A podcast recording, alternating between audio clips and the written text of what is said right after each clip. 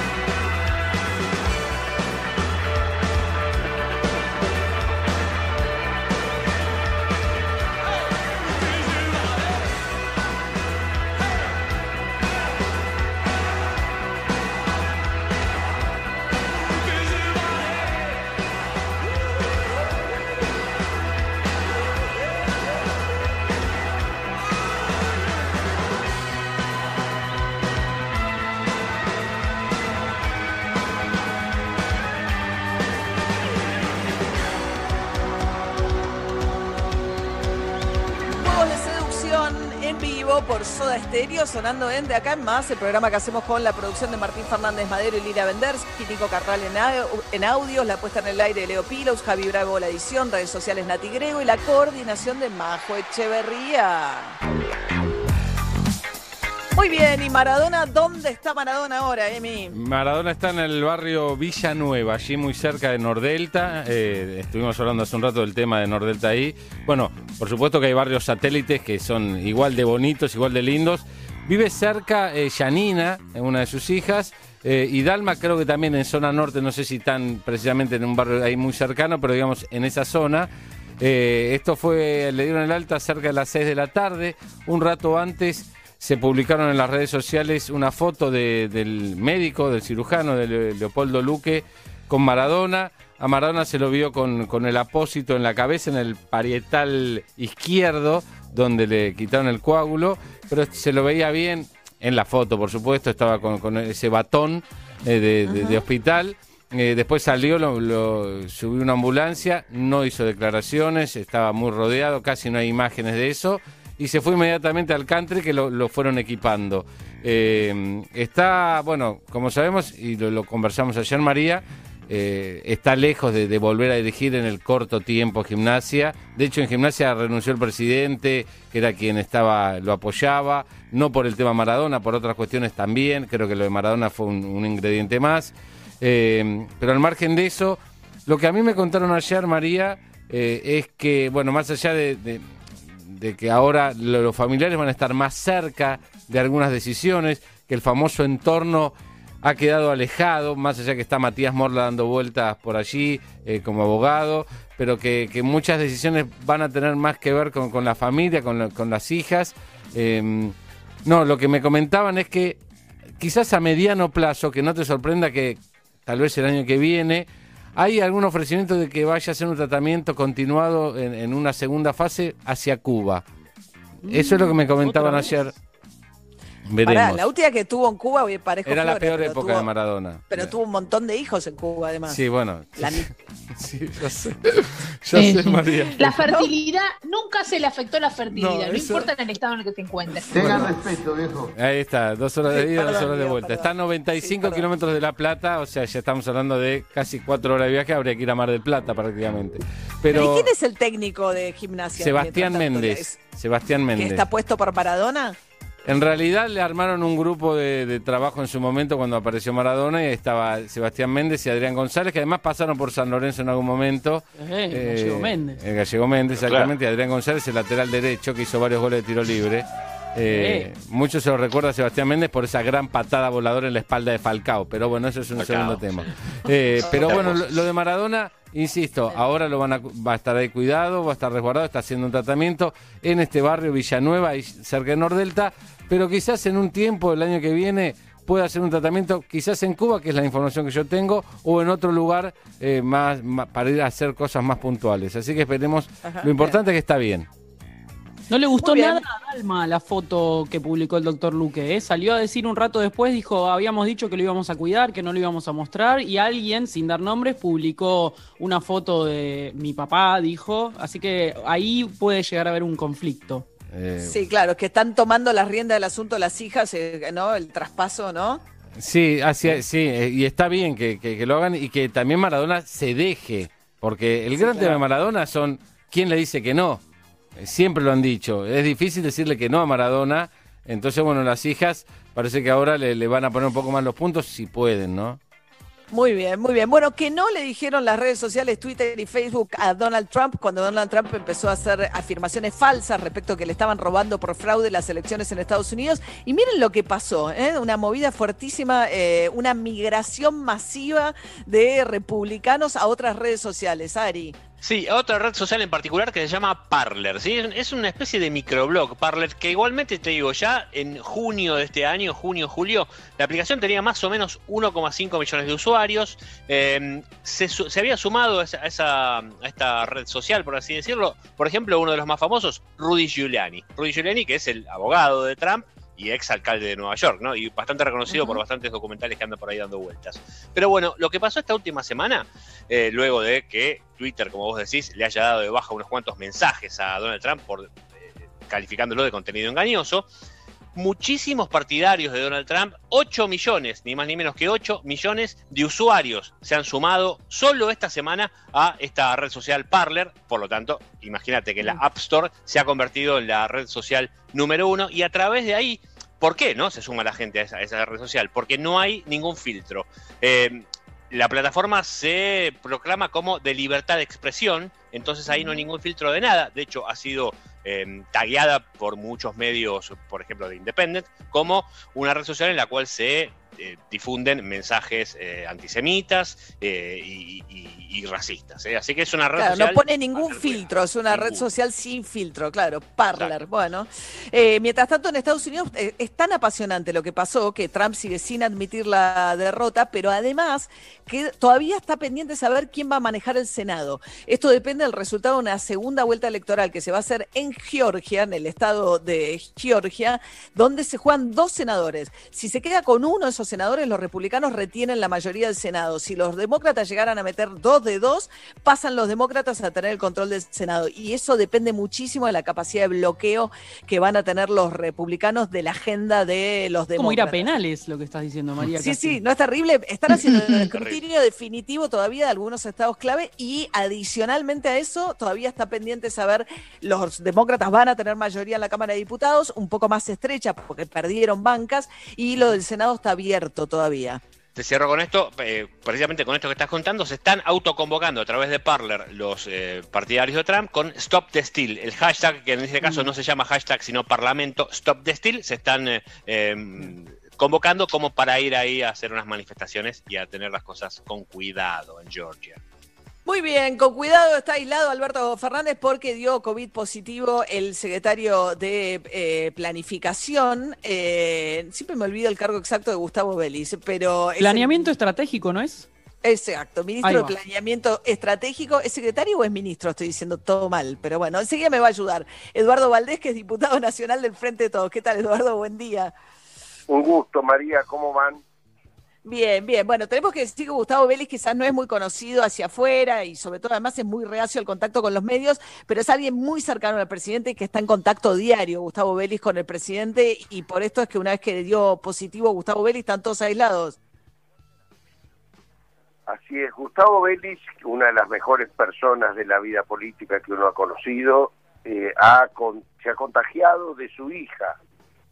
Después que volvimos del viaje a Bolivia, eh, su hija dio positivo el día lunes, que fue el día que nosotros llegamos, y Gustavo se hisopó ayer a la mañana porque ayer miércoles pues tenía algún síntoma, le dio positivo y entonces por prevención, porque puede ser que haya incubado algo antes del viaje, nosotros salimos el día sábado, eh, entonces eh, los miembros de la delegación nos hemos hisopado, a todos nos dio negativos, estamos este, cada uno en sus casas por 10, 14 días, dentro de 5 días nos vamos a dar otra hisopada y bueno, es así, es un protocolo que hay que, que hay que tener, hay que tomar. Ahora, esto por contacto estrecho, ¿no? Y esto, esto se produce cuando había habido ya muchas críticas, eh, porque esto es el viaje que hicieron a Bolivia, ¿no? Primero por la asunción de Luis Arce y después se encontraron, eh, fueron a, Jujuy. Se difundió una foto donde están todos ustedes, digo, está Guado Pedro, Vélez, este, el presidente de la Nación, Evo Morales, Jorge Tayana. Hay más de 15 personas, se los ve comiendo en un restaurante, en una mesa bastante estrecha y sobre todo sin ventilación. Da la sensación de que ahí no, no se cumplieron las pautas de de lo que tiene que ver con, con cierta precaución. En esa cena estábamos en el hotel, el único lugar donde hay, o sea, la Quiaca no es un lugar muy grande, habría el hotel, es un hotel, sería de una estrella, ¿no? Un hotel austero. Eh, nosotros estábamos convencidos que teníamos la distancia obligatoria, es más, pusimos doble mesa para tener de frente de, eh, más de dos metros, eh, de un lado y del otro donde nos sentamos. La verdad que ninguno de allí, Evo y, su comitiva, están en estos momentos en caravana en, en Bolivia y ninguno ha tenido ningún síntoma.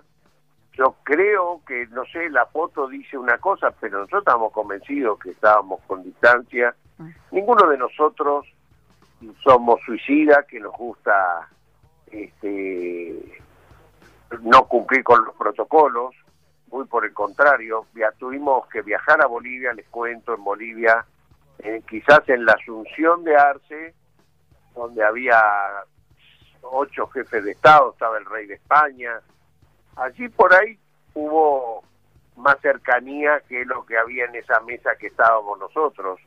Pero bueno, porque también los espacios de los viejos palacios donde se toma juramento son vía palcos y entonces uno tiene que estar en un palco, pero ninguno suicida y al contrario. ¿no? hay algo del ejemplo también, ¿no? Estamos charlando con el diputado Eduardo Valdés, muy cercano del presidente de la Nación, parte de la comitiva que lo acompañó a Bolivia. Hay algo del ejemplo también, de lo que uno, digamos, el, que pone la norma tiene que ser el primero que la cumpla, ¿no? El, el ejemplo habría sido no ir, pero nosotros creemos que Bolivia había recuperado la democracia este, en un golpe de Estado que muchos creyeron que no era golpe de Estado, en un intento de matar al presidente y al vicepresidente que nadie, que todos subestimaron en ese momento.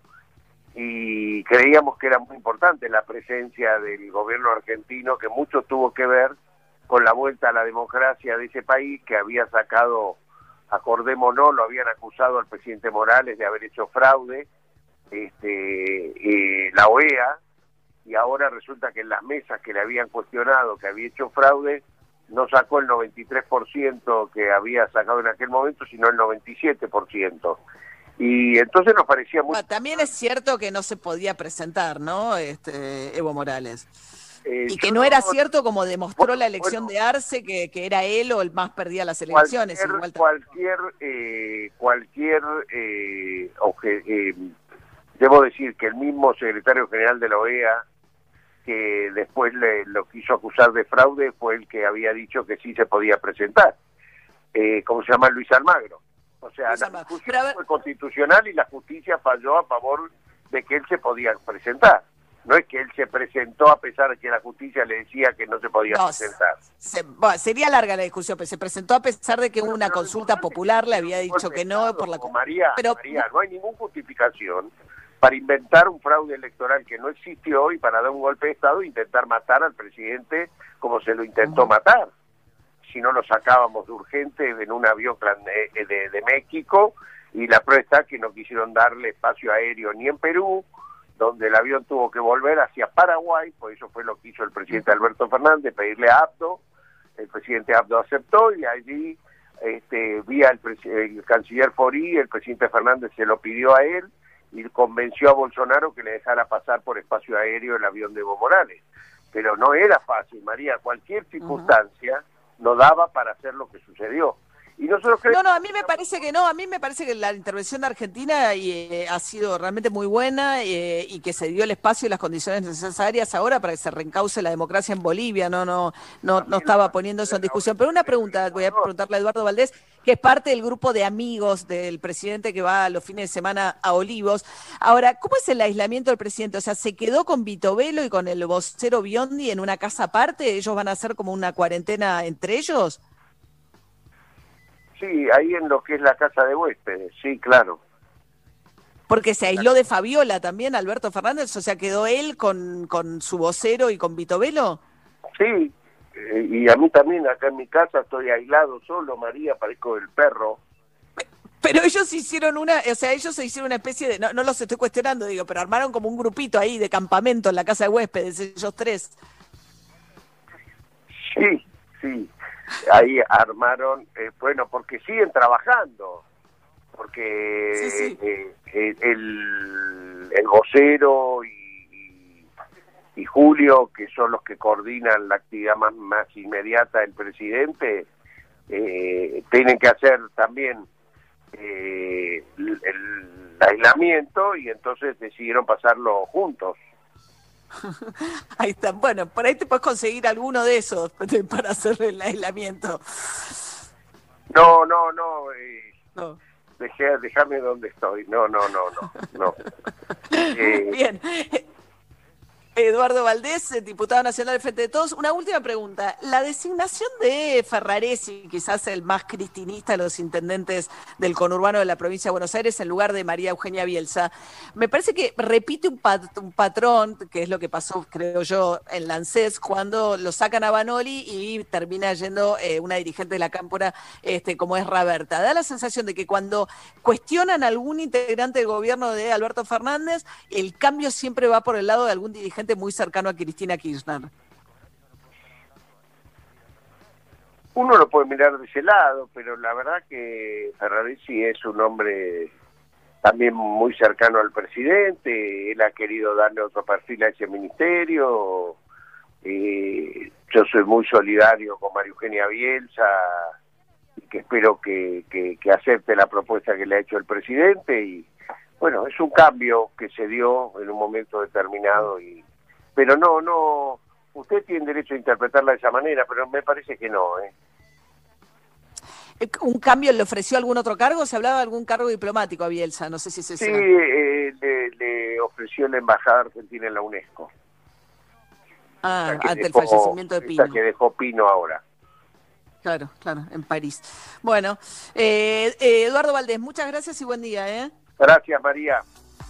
Hasta luego. Eh, decíamos, eh, lindo el homenaje que le van a hacer en el Festival de Cine de Mar del Plata, que ayer se anunció la programación y realmente muy merecido este, para Pino Solanas. Todavía, la verdad, me cuesta hacerme la idea del fallecimiento de Pino. Cada vez que me doy cuenta, digo, up, qué triste, ¿no? Eh, 8 y 27 de la mañana, eh, DJ Pinzón. Muy bien, sí, sí, sí, acá desde Estudios Centrales presentamos a la banda de Las Vegas, a The Killers, del año 2017, The Man.